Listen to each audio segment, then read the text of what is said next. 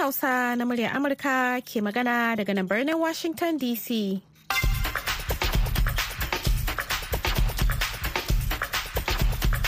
Masu sauraro, Assalamu alaikum. Hadiza kyari ce tare da Maryam Dauda da sauran abokan aiki muka sake dawo a shirinmu na hantsi a yau ranar Juma'a goma sha bakwai ga watan Fabrairu na shekarar 2023. Har yanzu dai 'yan najeriya na cikin rudani duk da cewa shugaba muhammadu buhari ya yi jawabi a ranar alhamis kan ci gaba da aiwatar da kudurin daina amfani da tsaffin takardun kuɗi a najeriya.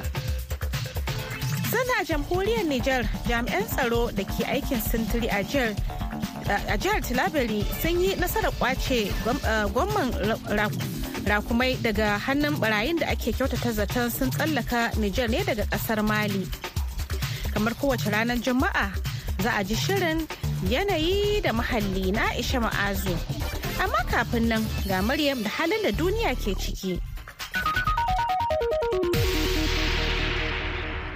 Jama'a assalamu alaikum ga cikakkun labaran.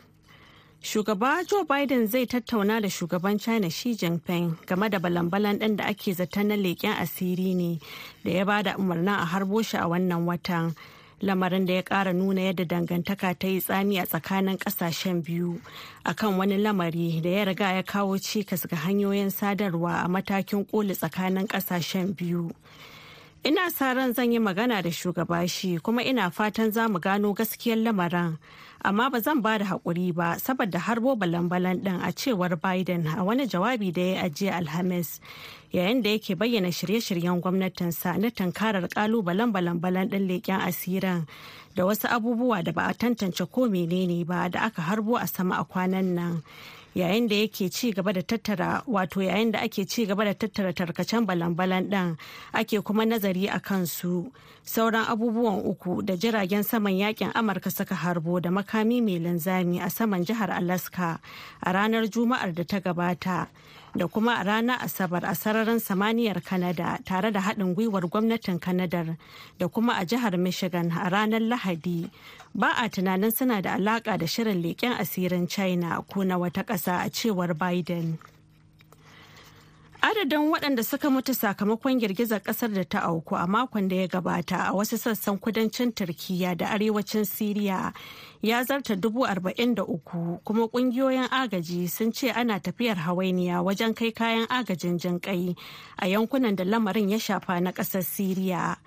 Yayin da mutane fiye da dubu biyar da ɗari takwas suka mutu sakamakon girgizar ƙasar mai ƙarfin maki bakwai da ɗigo biyar a siriya kaɗai akwai abubuwa da yawa da ke kawo cikas wajen kai kayan agaji ga mabukata. Arewa maso yammacin Siriya yankin da girgizar ƙasar ta fi shafa na ƙarƙashin ikon mayaƙan da ke adawa da gwamnati. A tsawon lokacin da ake fada a ƙasar gwamnatin Siriya da Rasha mai mara mata baya sun takaita hanyoyin shiga wannan yankin na Siriyar zuwa ɗaya kacal a bakin iyakar ƙasar da Turkiyya. A halin da ake ciki yayin da adadin mutanen da girgizar ƙasar a ƙasashen turkiyya da siriya ke ci gaba da karuwa haka kuma kuɗaɗen tallafi daga sassa daban-daban na duniya ke ci gaba da karuwa don taimakawa waɗanda suka tsira wani asusun ba da gudunmuwa da masarautar saudiya ta buɗe ta yanar gizo ya tara sama da dala miliyan 100 daga mutane da kamfanoni sama da miliyan 1.6 a cikin mako guda. Gwamnatin saudiya ta kuma kai jiragen sama makare da kayan abinci da magunguna da abubuwan kafa matsugunni. Sannan ta tura tawagar ma'aikatan ceto a cewar hukumar agajin ƙasar haka zalika sauran masarautun ƙasashen larabawa masu arziki su ma sun mayar da martani. Kwana ɗaya bayan aukuwar girgizar ƙasar haɗaɗɗiyar daular larabawa ta uae ta sanar da ba da agajin dala miliyan 100 ga wasu miliyoyin mutane da suka rasa matsugunansu a ƙasashen turkiyya da siriya yayin da ake fuskantar yanayin sanyi a can. To kuna sauraron labaran ne daga nan sashen hausa na muryar amurka a birnin washington dc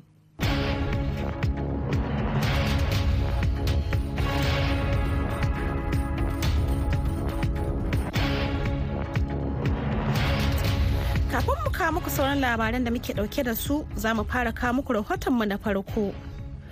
har yanzu dai 'yan najeriya na cikin rudani duk da cewa shugaban muhammadu buhari ya yi jawabi a ranar alhamis kan ci gaba da aiwatar da kudirin daina amfani da tsaffin takardun kuɗi a najeriya tare da ba da tabbacin cewa za a hukunta duk waɗanda aka samu da laifin yi wa tsarin sabbin takardun kuɗin zagon ƙasa daga abuja wakiliyar muhallima abdulrauf ta aiko mana da wannan rahoton.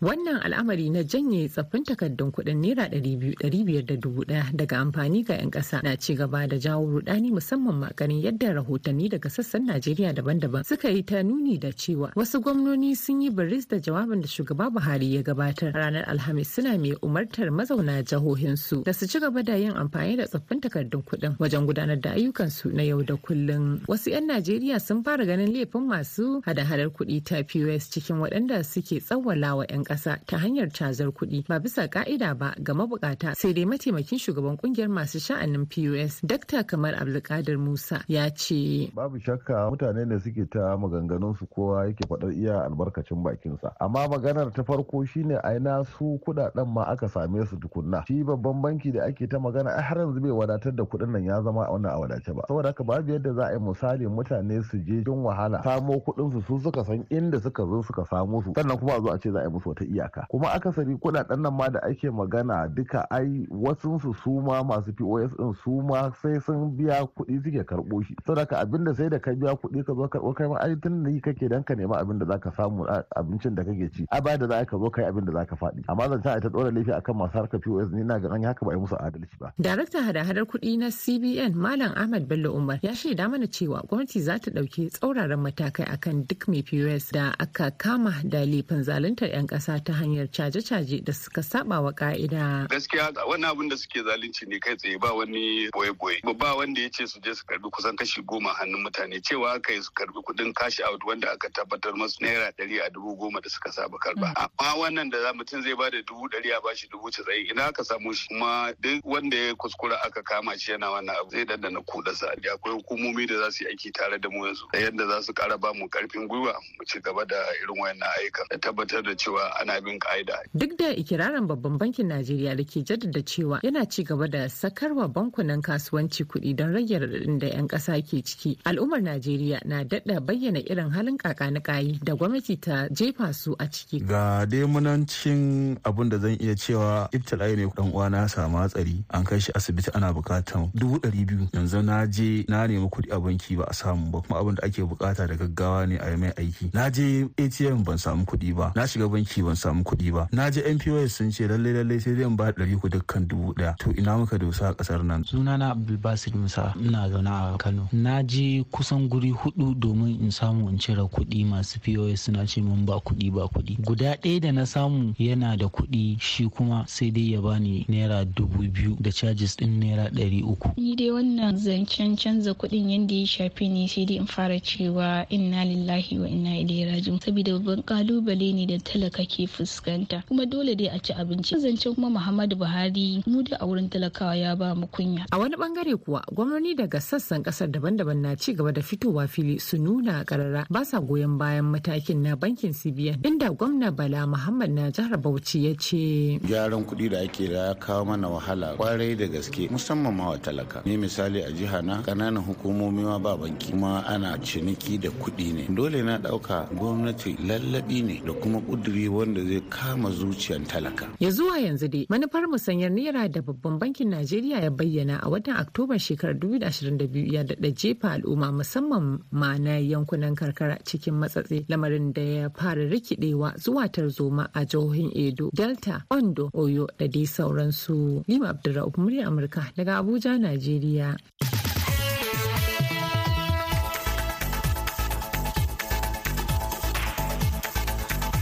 A gaida Halima Abdulra'uf yanzu kuma ga Maryam ɗauke da sauran labaran duniya.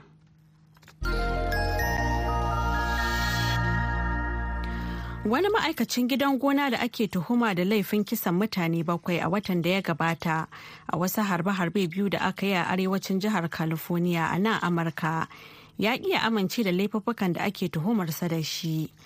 Ana tuhumar Chun Li Zhao ɗan shekara 66 da laifuffukan kisan kai guda bakwai da kuma laifin yunkurin yin kisa.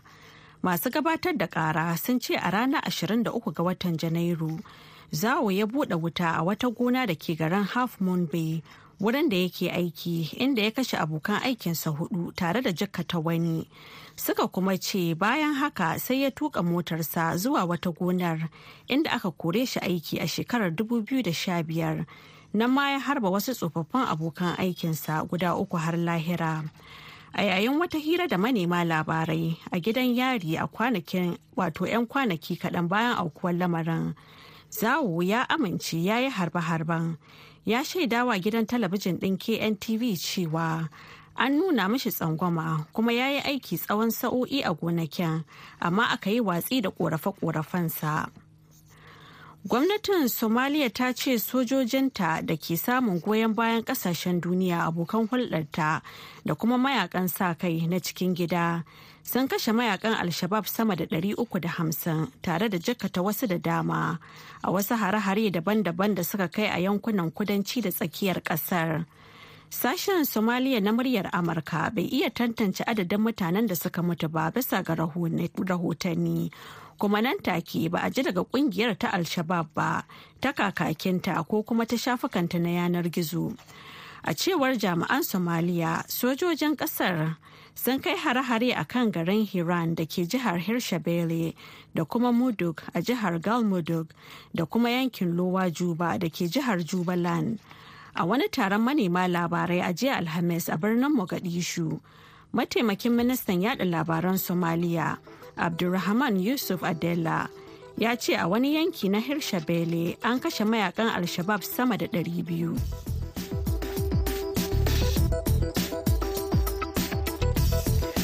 gaida maryam dauda da ta karanto mana labaran duniya daga nan sashen hausa na muryar amurka a birnin washington dc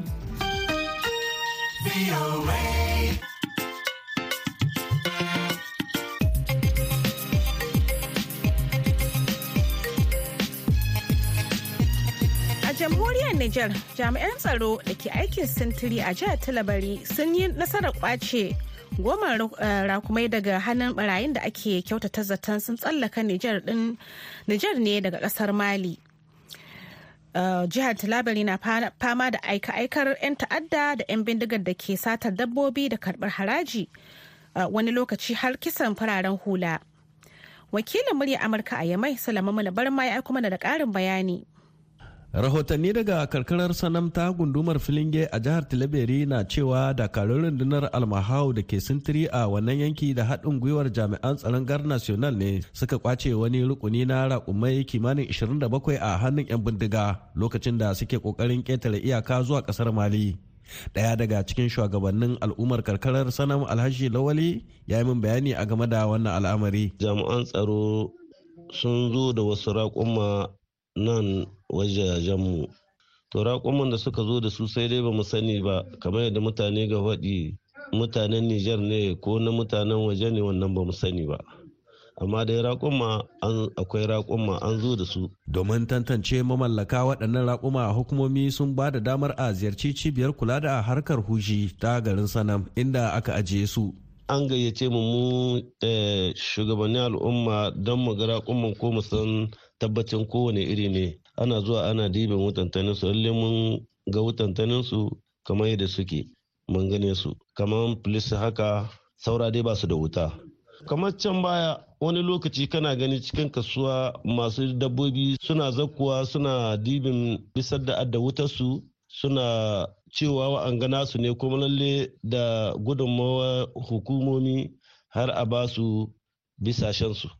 To daga bayan nan dai aka ga wannan shi ma kamar wani lokaci ba masu abu ga zakkuwa su amshe su ba sai an ka hana wannan in dai mutum ya zo ya ga bisa tashi ce sai an tayi gaban hukuma. Gundumar filinge kamar sauran sassan jihar Tilaberi na fama da aika-aikar 'yan ta'addan arewacin Mali yankin da tun a shekarar 2012 ya fada cikin yanayin taɓarɓarewar tsaro.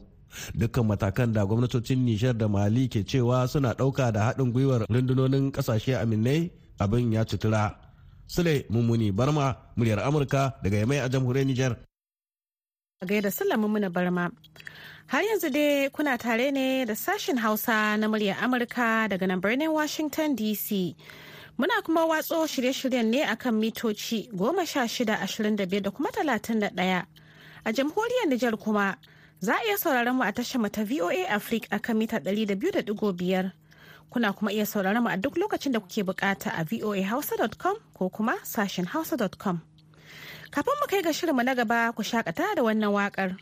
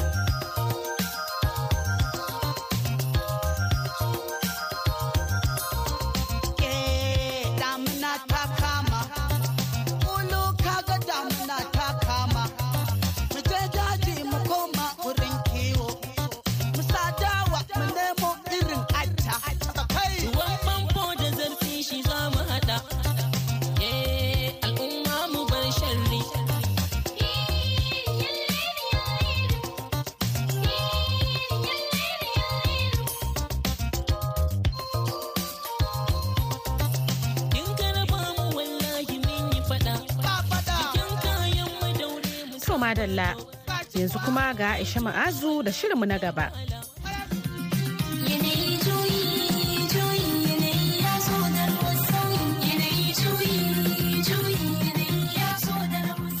Barka da hantsin wannan rana ta Juma'a mai albarka mai sauraro kuma barka da kasancewa da shirin yanayi da muhalli daga nan sashen Hausa na muryar Amurka tare da ni Aisha Mu'azu. Daga cikin kudurorin majalisar ɗinkin duniya sha bakwai na sustainable development goals wato sdgs kuduri na sha uku ya shafi kare muhalli ta hanyar ɗaukar matakan da suka dace domin kare lafiyar al'umma baki ɗaya. Duk wanda ya san arewa maso yammacin najeriya ya san cewa allah ya albarkaci jihar kano da manyan duwatsu masu daɗaɗɗun tarihi. Sai dai kuma a ci gaba da faɗaɗa birnin kano da kuma kafa kamfanoni da za su samar da abubuwan more rayuwa yana neman yi wa waɗannan daɗaɗɗun wuraren tarihi barazana musamman ma ganin yadda ake tattarwatsa wani ɓarin dutsen dala lamarin da ya zaburar da kano environmental group wata ƙungiya mai neman ci gaban jihar kano ta tashi tsaye domin dakatar da wannan aiki kamar yadda injiniya rabiu haruna ya shaida min irin matakin da suka ɗauka.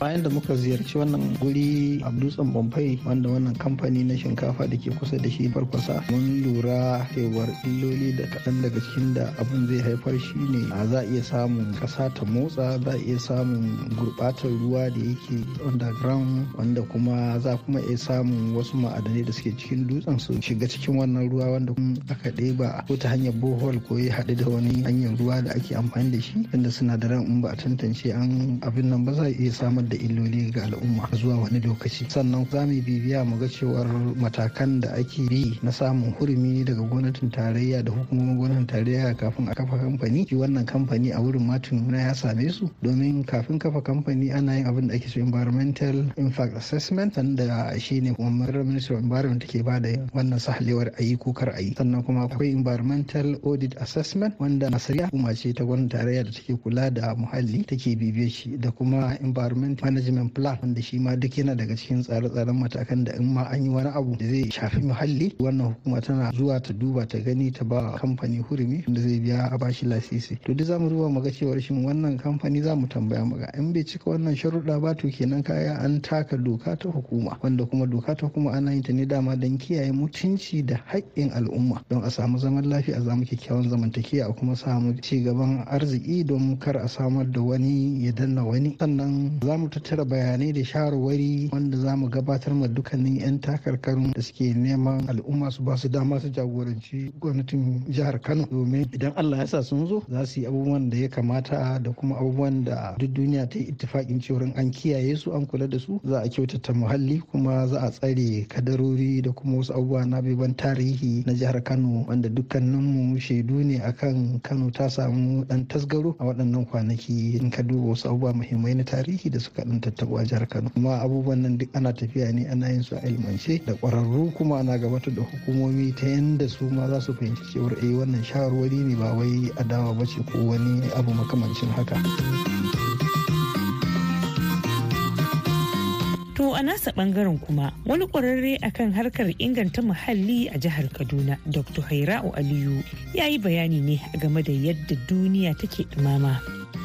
Dole ne mutum ya fahimci shi zafin rana ina yake nufa ne. Ta nan ne kawai mafi saukin hanyar da za mu gane. Na farko dai ranar nan tana feso zafinta wanda shine ake kira visible light wato hasken rana da muke gani haka. Muraran muna ganin shi kaman hasken wani katon kendir haka. Zaka ji shi zafi muraran haka kaman ka kunna wani katon kendir ne ya haska maka. To wannan hasken da yake zuwa yana haifar da wani abu ne wanda zai fito da hasken sosai muraran mu gan shi. Daga cikin wannan hasken da ke zuwa wasu suna komawa sararin samaniya. Sannan wasu kuma za su je ƙarƙashin kasa su kara mata dumi sannan waɗannan da suka shiga ƙarƙashin kasa suna fitowa su ma su sama. Shine ake da wani abu da ake kira infrared radiation. Ya mai da shi baya ya haska sararin samaniya sai ya kara dumaman sararin samaniya. Daga cikin waɗannan wanda suke wucewa sukan bi ta cikin wannan atmosphere da muke magana su kuma su koma sararin samaniya. Wasu daga cikin wannan zafi da ke koma sararin samaniya ita atmosphere tana zuƙa su kuma a madadin infrared radiation. Sannan ita atmosphere kuma za ta dumama. In ta dumama kuma sai ta sake sakin wannan infrared sai ya sake sama. Wani ya sama wani ya kasa so a wannan hali shine ita duniyar mu shine take samun dumama ta sama ta kasa ta gefe ta kowane ɓangare kuma in aka lura me ke rarraba su ita ne wannan atmosphere din wannan dunkulallen gas sannan kuma da ita rana. Rana ta kawo atmosphere ta ɗiba sannan ta rarraba ta kasafta. Shine sai ya dumama ko ina shine ake samun wannan yanayin dumama da muke ji. To in zafin ya zafi shine sai ya sake shi. Idan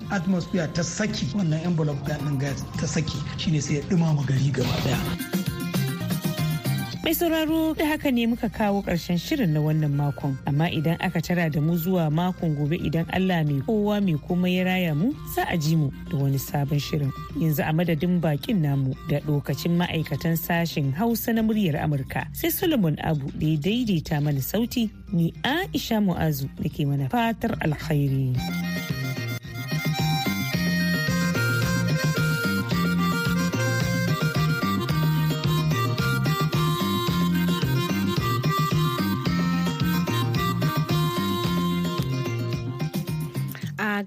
Aisha Ma'azu. Da wannan kuma muka zo ga shirinmu na ƙarshe wato labarai amma fa a taƙaice. To a taƙaice shugaba Joe Biden zai tattauna da shugaban China Xi Jinping game da balan-balan ɗin da ake zaton na leƙen asiri ne da ya ba da umarnin a harbo shi a wannan watan lamarin da ya ƙara nuna yadda dangantaka ta yi tsami a tsakanin ƙasashen biyu akan wani lamari da ya riga ya kawo cikas ga hanyoyin sadarwa a matakin tsakanin ƙasashen biyu. Adadin waɗanda suka mutu sakamakon girgizar ƙasar da ta auku a makon da ya gabata a wasu sassan kudancin turkiya da arewacin siriya ya zarta dubu arba'in da uku. Kuma ƙungiyoyin agaji sun ce ana tafiyar hawainiya wajen kai kayan agajin jinƙai a yankunan da lamarin ya shafa na ƙasar siriya. Yayin da mutane fiye da dubu biyar da ɗari takwas suka mutu sakamakon girgizar ƙasar mai ƙarfin maki bakwai da ɗigo biyar a siriya kaɗai. Akwai abubuwa da yawa da ke kawo cikas wajen kai kayan agaji ga mabukata. Arewa maso yammacin siriya yankin da girgizar ƙasar ta fi shafa na ƙarƙashin ikon mayaƙan da ke adawa da gwamnati. A tsawon lokacin da ake fada a ƙasar gwamnatin siriya da rasha mai mara mata baya sun takaita hanyoyin shiga wannan yankin na siriya zuwa ɗaya kacal a bakin iyakar ƙasar da turkiya a halin da ake ciki yayin da adadin mutanen da girgizar ƙasar a ƙasashen turkiya da siriya ke ci gaba da karuwa haka kuma kuɗaɗen tallafi daga sassa daban-daban na duniya ke ci gaba da karuwa don taimakawa waɗanda suka tsira. a nan muka kawo ƙarshen shirin namu na hantsi sai kuma can da la'asar da misalin ƙarfe huɗu na yamma idan Allah ya kai mu za ku ji wasu daga cikin abokan aiki mu ɗauke da wani sabon shirin ya zama da dukkan waɗanda suka ba da gudumawa ga nasarar wannan shirin musamman Maryam Dauda da ta karanto mana labarai sai kuma Salman Abo da ya haɗa shirin ya kuma ba da umarni ni Hadiza Kyari ke sallama da ku daga nan sashen Hausa na muryar Amurka a birnin Washington DC.